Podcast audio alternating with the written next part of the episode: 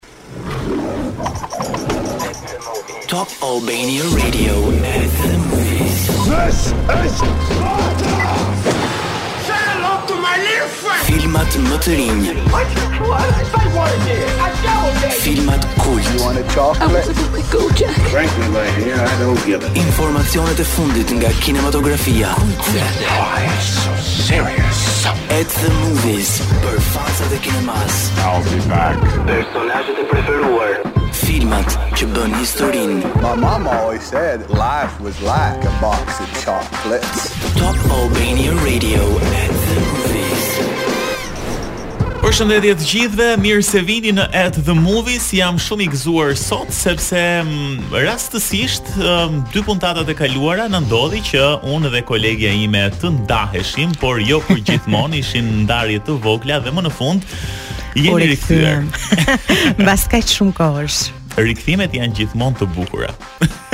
jo gjithmonë, gjithsesi. Do të jemi bashkë sot deri në orën 15 uh, me dy premiera shumë interesante. Tre Cineplex 3 Yes. Okej. Okay, Cineplexi kësaj radhe ka menduar shumë për ne dhe ka menduar për fansat e të gjitha zhanrave dhe të gjitha moshave. Okej. Okay. Pas tre premierave në pjesën e dytë të programit do të flasim për një dokumentar që është publikuar në Netflix, edhe është bërë hit, flet për një histori të vërtetë plot mister që vetë ne do mundohemi ta zbardhim pak edhe t'ju kuriozojmë akoma më tepër që ju Dhe të shikoni këtë dokumentar që unë e kam përfunduar, Edea e ka nisur, ka edhe fare pak seri sepse në total janë 3 seri. Nuk kisha si mos ta nisja kur ti më shkruan në 2 të natës dhe thua ne do flasim për këtë se qenka shumë dokumentar i bukur. është e vërtetë, është e vërtetë. Nisim programin uh, me një këngë tani uh, për të rikthyer pas pak. Uh, kemi Don't You apo jo? Don't You Forget About Me se më harrove herën e fundit. Mm, ju përshëndesim veten, por edhe të gjithë ju që po na dëgjoni. Rikthehemi në program dhe ka ardhur koha të prezantojmë premierën e parë që vjen në Cineplex. Po ju them vetëm një detaj, nëse i keni pëlqyer uh, video lojrat kur keni qenë të vegjël, ky film është për ju dhe është pikërisht ajo loja të cilën e kemi dashur aq fort dhe e kemi luajtur aq shumë, kam përshtypjen të gjithë ne pa përjashtim. Bëhet fjalë për Super Mario. Ah, se mendova që Po prisje përgjigje nga publiku ti. Bëhet fjalë për Super Mario Bros që tani do të vijë edhe si film, ndjekim pak trailerin.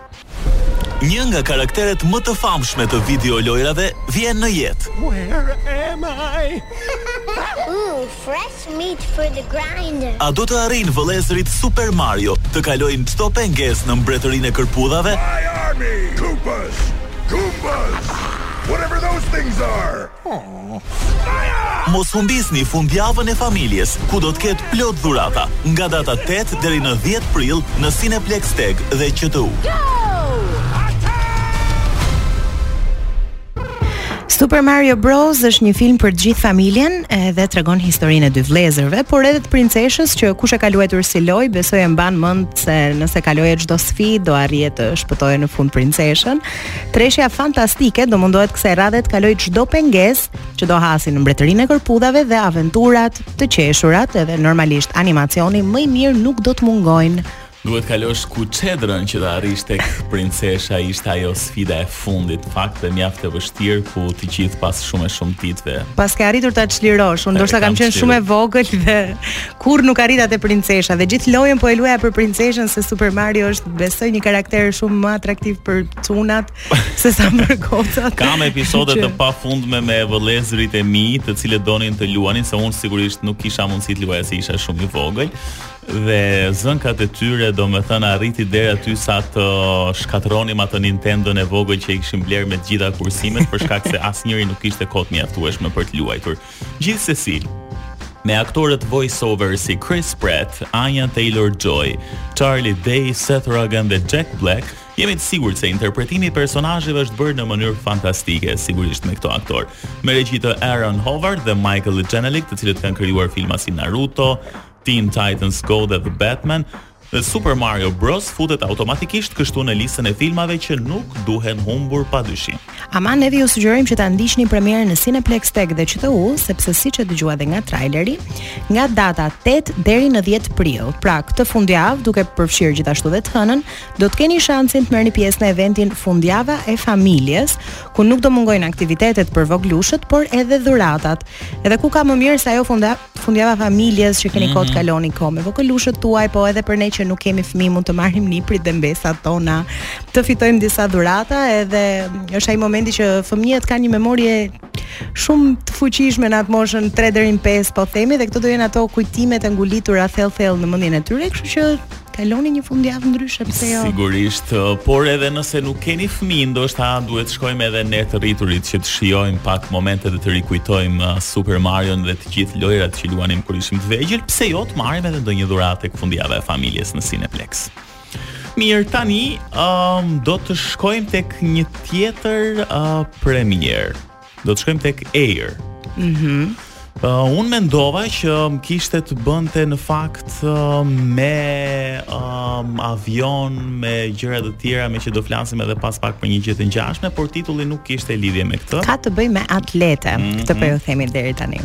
Besoj e kuptuat edhe ju, po ndjekim pak trailerin. I brought you in here. to grow the basketball business. Një vendim i pasigurt. People don't know what the hell a Nike is. Shpeshherë është çelësi i suksesit. This is where you come up with a brilliant idea that no one else can see. Let's hear it. Në një kohë ku askush nuk besonte tek Michael Jordan, I got it. I found him. vetëm dikush u investua tek ai. What's the plan? We build a shoe line around just him. Nike, Michael Jordan. Me regji të Ben Affleck, Air në Cineplexx TEG dhe QTU. Sonny Vaccaro është një shitës këpucësh vizionar dhe ka një ide inovative që për shumë njerëz duket si një çmenduri, por për atë është rruga e vetme drejt suksesit. Ai ka një ide shumë interesante për brandin e Nike, nuk e di ne shqiptarët i themi Nike, amerikanët më duket i thonë Nike. Mm. Me pak fjalë atletet gjithmonë ka qenë ai kompeticioni midis Adidas dhe Nike, por Sonny Vaccaro, ky shitësi i thjeshtë i këpucëve me anë të gjetjes së imazhit të brandit, që do ishte gjithmonë Michael Jordan, arriti që ta rikthente Nike në këtë kompaninë 35 bilion dollarëshe që ajo është sot. Edhe pa dyshim një nga markat më të preferuara, uh, me regji të Ben Affleck, i cili gjithashtu luan në film, Air ka bashkuar një cast fantastik si Matt Damon, Viola Davis, Jason Bateman, Chris Tucker e të tjerë. Kjo nuk është hera e parë që e shohim Affleck si regjisor, pasi kujtojmë se ka bërë edhe filma të tjerë si Argo, shumë i bukur, uh, Live by Night dhe Town, të cilët janë vlerësuar mirë nga kritikët. Mua më pëlqen shumë regjia e Ben Affleck, jo vetëm aktrimi i tij. Unë do të thoja pak më shumë aktrimi, por duhet të ndjek edhe këto filma, vetëm Argon kam parë. Mm -hmm. Kur të shikoj të tjerët edhe normalisht edhe Air do arrij të dal në një konkluzion përfundimtar. Po duket sikur Cineplexi këtë javë është menduar shumë mirë për të gjitha grupmoshat, është menduar edhe për zhanra të ndryshëm. Pasi siç ju them do jenë tre premiera dhe kjo premiera e fundit mm, është premtuese, nuk mund të them që nuk është premtuese, po si një njeri që friksohet shumë lehtësisht, do thoja që është gjithashtu shumë shumë shumë friksuese dhe e tmerrshme. Dhe që kur ke ardhur ti në program, horrorët kanë qenë të pafund. Non grata këtu. Edhe non grata këtu. Edhe nga titulli duket mjaft i frikshëm është The Pope's Exorcist, ndjekim pak trailerin. Bazuar në një histori të vërtetë. Father Gabriele Amorth. Një ekzorcizëm rrëqethës, i cili fsheh sekrete shekullore. That was not an exorcism. Bring me the priest. Russell Crowe është ekzorcisti i Papës së Vatikanit. My faith does not require defense. Në Cineplexx TEG dhe QTU. Akoma më e frikshme kur mendon se filmi është frymëzuar nga dosjet aktuale të At Gabriele Amorth, kryeekzorcisti i Vatikanit. Filmi ndjek historinë e Amorth ndërsa heton pushtimin e tmerrshëm të një djali të ri i cili duket sikur është i pashpëtueshëm nga frymërat demonike. Por teksa lufton që drita të mposhtë errësirën, kryeekzorcisti zbulon sekrete shekullore të Vatikanit, të cilat kanë të bëjnë me pushtimin e djalit. Me regji të Julius Avery, të cilin mund ta njihni për filma si Yardbird ose Jerrycan, mendoj se kryefjala e këtij filmi është dhe do të jetë gjithmonë Russell Crowe.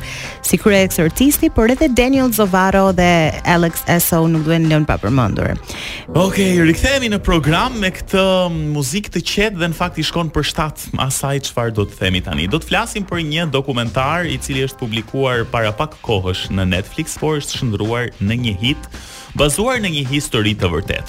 Titullohet MH370 dhe besoj nuk është shumë e vështirë për ta kuptuar se është emri i një fluturimi, është fluturimi MH370. që u nis nga Kuala Lumpur um, i Malajzisë për të përfunduar në Pekin të Kinës, por që nuk arriti kurrë në destinacion. Është ndoshta aksidenti ajror më misterioz uh, në historinë e aviacionit civil për të cilin u uh, shpenzua shumë, u harxhua shumë kohë Ngjarja ka ndodhur në mars, 8 mars të vitit 2014. Janë bërë plot 9 vjet që kur ky avion është zhdukur dhe ende nuk ka një përfundim konkret se çfarë ka ndodhur me të. Bëhet fjalë siç thamë për fluturimin MH370 të Malaysia Airlines Um, në fakt, ka pasur disa prova, po themi oqeani ka nxjerrë disa pjesë të avionit, por që kurrë nuk janë vërtetuar 100% se i përkisnin këtij avioni. Um, janë bërë shumë kërkime në një zonë që ka përfshirë gati edhe Shtetet e Bashkuara të Amerikës dhe nuk është gjetur asnjë gjë. Më interesantja është se um, avioni uh, i humbi kontaktet me kullën e fluturimit diku tek 38 minuta në mos gaboj mm -hmm. pasi ishte ngritur. Radari u fik menjëherë në mënyrë të çuditshme dhe më pas askush nuk dëgjoi asgjë mbi avionin. Megjithatë, një satelit i quajtur Inmarsat i cili ishte i aftë um, të kapte sinjale nga disa objekte, por pa i identifikuar ato, Uh, kuptoi ose u, u kuptua më pas pas një hetimi, le të themi që Ky avion kishte dhënë sinjale edhe 6 orë pasi kishte humbur kontaktet me kullën e fluturimit, që do të thotë um, kaq orë ka pasur edhe karburant, pra mjaftueshëm sa për të fluturuar. Se ishte një detaj që e tha njëri prej investiguesve po. faktikisht, po. më, në pashë episodin e parë, më kanë ngelur mm -hmm. ende dy, por besoj do publikohen edhe të tjerë që avioni kishte vetëm 7 orë karburant diku ke 7:30 diçka e tillë dhe ata e prisnin pra avioni pritej të mbërrinte në mos gaboj në orën 6:30 të mhm. mëngjesit. Mm -hmm dhe deri në 8 e gjysmë ata po prisnin me atë idenë që mos, domethënë, ndoshta diçka do ndodhë tani, po. po, por kur kaloi ai afati kohor që ishte e pamundur të tejkalohej, pra ai avion nuk kishte karburant mjaftueshëm për ta tejkaluar atë lloj orari, aty kuptuan që diçka ka ndodhur. Por se çfarë dhe si nuk arritën ta zbulonin kurrë. Një gjë që m'u duk mua shumë interesante mm -hmm. ishte fakti që ata nuk kishin asnjë pistë, pra njëri që ishte i specializuar vetëm në rastet e emergjencës të madhe dhe shkonte në çdo aeroport për shembull kur ti e di që një avion ka rënë dhe ka rënë këtu dhe Ke disi një përgjigje që ti mund t'ua thuash familjarëve, por në momentin ai thonte gjëja më e vështirë ishte se kësaj radhe ne nuk kishim asgjë për t'i thënë njerëzve, është pikërisht ti sheh familjar dhe njerëz familjarët madje u mblodhën në aeroport dhe qëndruan së bashku në një hotel. Po. Me sa pashë duke, duke pritur mm -hmm. pjesëtarët e tyre të tjerë që nuk u kthyen dot kurrë dhe kur i drejtoheshin këtyre organeve dhe i pyesnin se çfarë po ndodh, a keni ndonjë informacion, ata nuk kishin asgjë çfarë t'i mhm. tregonin. Mm -hmm. Interesante mua m'u duk gjithashtu, um, po themi dalja e avionit nga radarët në një mënyrë aq të shpejtë. Nga ekspertët e aviacionit civil thuhej se një avion nuk mund të dalë në sekondë nga radarët. Pra, një gjë e tillë mund të ndodhte vetëm nëse një meteor godiste mm -hmm. avionin dhe ai shkatërrohej në në në copë-çikë brenda sekondit. Pra, duhet një kohë derisa të ndodhë diçka po themi të jepet një sinjal uh, alarmi dhe më pas okay pas disa kohësh avioni mund të dalë nga radari por një fikje aq e shpejtë ishte vërtet misterioze dhe që s'kishte ndodhur asnjëherë janë edhe disa detaje të tjera që sigurisht shpjegohen megjithatë Netflix Ka bërë këtë dokumentar që ka tre seri dhe në secilën seri trajton, po themi, një skenar se mhm. si mund të ketë ndodhur ngjarja. Kështu që ju zbulojmë pak skenarin e parë, i cili inkriminon pilotin. Në fakt nuk kishte asgjë të çuditshme ky fluturim. Ishte fluturim rutinë, piloti ishte një ekspert i cili kishte punuar për shumë vite në aviacion, madje ishte një ndër më të mirët një njeri i qetë nga biseda me familjarë duket se ai s'kishte pasur edhe nga bisedat në avion, domethënë fjalia e tij e fundit e regjistruar është që ai thotë uh, good night. Good night e kishte si shprehje domo sa herë që linte. Nga zëri me sa dëgjojmë neve njerëzit e radios, dukej shumë i qetë dhe po. dukej sikur asgjë shqetësuese nuk do ndodhte. Dhe duhet ta përmendim që nuk ka mm. pasur fare turbulenca atë natë. Jo, një natë e kthjellët e qetë, domethënë shumë e përshtatshme për të fluturuar. Megjithatë, një gjë shumë interesante ishte se ky pilot kishte një simulator uh, avioni në shtëpi. Dhe pas disa kohësh, pasi ndodhi ngjarja, FBI-ja zbulon se në hardware-et e këtij simulatori kishte një fluturim um, të ngjashëm me këtë që kishte bërë në këtë ditë. Pra mos vallë ky pilot e kishte planifikuar këtë udhëtim, për ta çuar atë avionin në humnerë për të vrarë veten bashkë me 225 pasagjerë të tjerë në bord. Është pak e dyshimtë. Mendoj se të gjithë ne nëse do kishim opsionin ta risimulonim procesin e punës tonë të përditshme, gjëja e parë që do bënim kur të mundueshim të risimulonim një ditë, do risimulonim atë gjënë që kemi bërë para dite, kështu që nuk, mbase, duke qenë se kjo ishte një linjë që ai e bënte shumë shpesh, mund ta ketë provuar edhe në shtëpi, sepse Nuk, nuk e di, jepte kënaqësi. Unë jam më shumë ke skenari i dytë. Aha. Skenari i dytë është rrëmbimi. Një hetues identifikoi tre rusë në vendet e pasagjerëve, të cilët mund të merrnin kontrollin e fluturimit dhe ta dërgonin atë në Azinë Qendrore. Dhe kishte faktikisht një pistë dyshimi që mendonte që avioni nuk ka shkuar për në Pekin, por është kthyer mbrapsht. Të tjerët e refuzojnë skenarin sepse do të jetë teknikisht shumë e vështirë që kjo gjë të ndodhi, mos gaboj janë 200 39 Pasagjerë, pasagjerë, janë 227 pasagjerë, okay. që sapo e konfirmova, dhe unë, janë 227 pasagjerë. Pasagjerë dhe pjesa tjetër janë staf, ekuipazh, po asnjë prej tyre nuk është gjetur, lëre më, po themi pjesë të avionit që jo e jo. Versioni i tretë, unë jam për versionin e tretë që okay. do ta shikosh tek seria e tretë.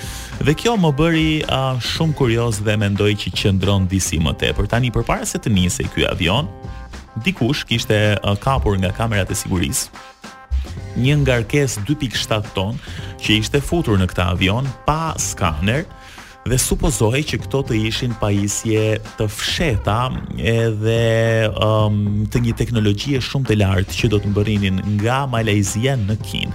Mhm. Amerikanët nuk donin që kjo teknologji të shkonte në Kinë dhe duket se ata e kanë interceptuar um, avionin. Çfarë do të thotë kjo? Dy avionë të tjerë amerikanë supozohet se janë ngritur në qiell dhe janë avionë specifikë të cilët janë të aftë të shuajnë çdo pajisje të një avioni tjetër.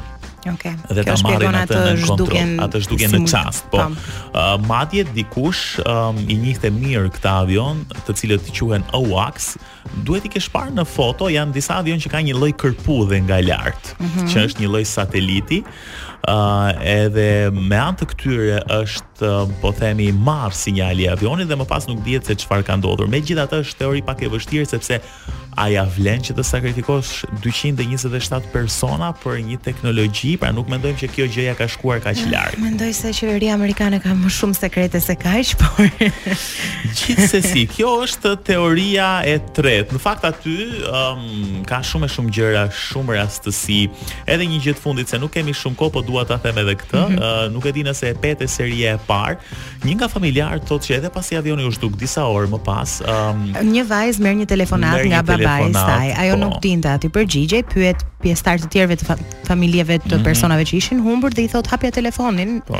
Ajo e hap telefonin në momentin që ishte zilja e fundit dhe nuk arriti kurrë të kontaktonte, gjë që mua më duket shumë e çuditshme. Po, dhe disa të tjerë thanë që zilet e pasagjerëve vazhdonin të binin disa orë pasi u rrëzua. Në qoftë se do ishte shkatërruar në atë moment që ne e shohim herën e fundit të vendosur në po, radar, po. atëherë këto zile nuk do binin kurrë. Dhe shikuesit kishin hedhur shumë hipoteza dhe nuk ishin të kënaqur sepse para 9 vitesh ekzistonte një teknologji shumë e mirë, nuk është se shumë vite dhe ai telefon mund të gjurmohej lehtësisht. Pse nuk ndodhi kjo? Këtë nuk e dimë.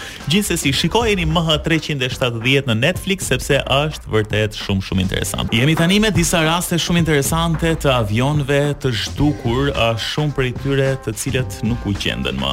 Nisim me fluturimin 447 të Air France nga Rio de Janeiro në Paris. U rrëzua në Atlantik ku humbën jetën 216 pasagjerë dhe 12 anëtarë ekuipazhit. Për shumë vite ngjarja ishte mister derisa u gjetën disa copa në fund të oqeanit ku treguan se uh, avioni ishte ngrirë gjatë një stuhie dhe u deshën mm. mbi 3 vjet që ngjarja të zbardhej. Epo mirë deri diku është gjetur është avioni. Gjetur, po. Një rast tjetër është Amelia Earhart në dy korrik të vitit 37, Amelia Earhart dhe Fred Noonan u ngritën në Lae të Guinesë së Re me një Lockheed Electra 10E, këto janë ato terma specifike. Po është një avion i vogël ma ke parasysh nga këta që janë më shumë për eks plorim, megjithatë mm -hmm. ata e kishin bërë si um, një gjë shumë të shpeshtë që udhëtonin shumë. Po, po, ishte një nga udhëtimet e tyre të fundit mm -hmm. rreth botës, por Lockheed Electra u zhduk mbi paqësor dhe nuk u dëgjua më kurrë për të. Tani kur nuk gjendet një pjesë e një Boeing 777 Electra që është 1% i tij është vështirë të gjendet.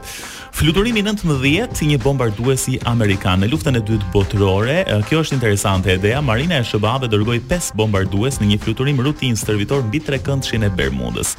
14 anëtarët e ekuipazhit dhe 5 avionët u zhdukën pa lënë gjurmë. Disa orë më vonë u dërguan 13 burra të tjerë me një mision kërkim shpëtimi me një varkë, pra mbi një anije, Edhe ata u zhdukën dhe nuk u panë. Tani më vjen keq nëse do të tregohem pak e errët, po këta ia paskan bërë vetes, sepse askush nuk shkon me dëshirën e tij të plotë në trekëndshin e Bermudës. Mm, me sa duket këtu ka nisur edhe ajo teoria e konspiracionit mbi trekëndshin e Bermudës. Mirë, mm -hmm. një mhm. një tjetër fluturim është Flying Tiger Flight 739 në vitin 1962, gjatë fazave paraprake të luftës së Vietnamit, Avioni Flying Tiger Flight 739 u zhduk mbi hendekun Mariana në Oqeanin Paqësor në rrugën e tij për në Filipine nga Guami. Tani un kam një, meqense po flasim për trekëndshin e Bermudës dhe teoritë konspirative, sapo më erdhi një teori konspirative ndërmend. Mhm. Shpresoj të jetë e vërtetë, për dhe ka të bëjë me fluturimin MH 370 për të cilin po flisnim pak më përpara. Është një tjetër film në Netflix serial që ne ja u këshillojmë se nuk na na rreshtin këtu. Mm -hmm. Sugjerimet tona që quhet Manifest dhe flet pikërisht për një avion i cili niset dhe ka një udhëtim aq të gjatë sa ç'pretendonte që ta kishte, por kur në momentin që zbret zbulon se është rikthyer pas 5 vitesh. Pra kanë kaluar 5 vjet, gjërat kanë ndryshuar, familjarët e tyre kanë ndryshuar, situatat e tyre dhe nuk e di se si mund të jetë ajo situata që ti thjesht rikthesh, ke bërë një fluturim 5 orësh dhe kur mbërrin e gjen botën 5 vjet përpara. Ikim, e fundit është shumë interesante kjo, fluturimi 571, 40 pasagjerë në bord rrëzohen mbi Ande, supozohej që kishin vdekur, u gjetën 72 ditë më vonë 16 të mbijetuar që ishin shndërruar në kanibal. E frikshme kjo. Mirë, ikim tani kush është fituesi? Pretty Jack Photography, që mund okay. vijë të marrë dy biletat e tij. Edi ka një teori mendon që edhe mund të ketë të kenë marrë flakë këto avionët, kështu që she's on fire. Dëgjohemi sërish të premten e ardhshme. Faleminderit që qëndruat me ne. Kalofshi sa më bukur.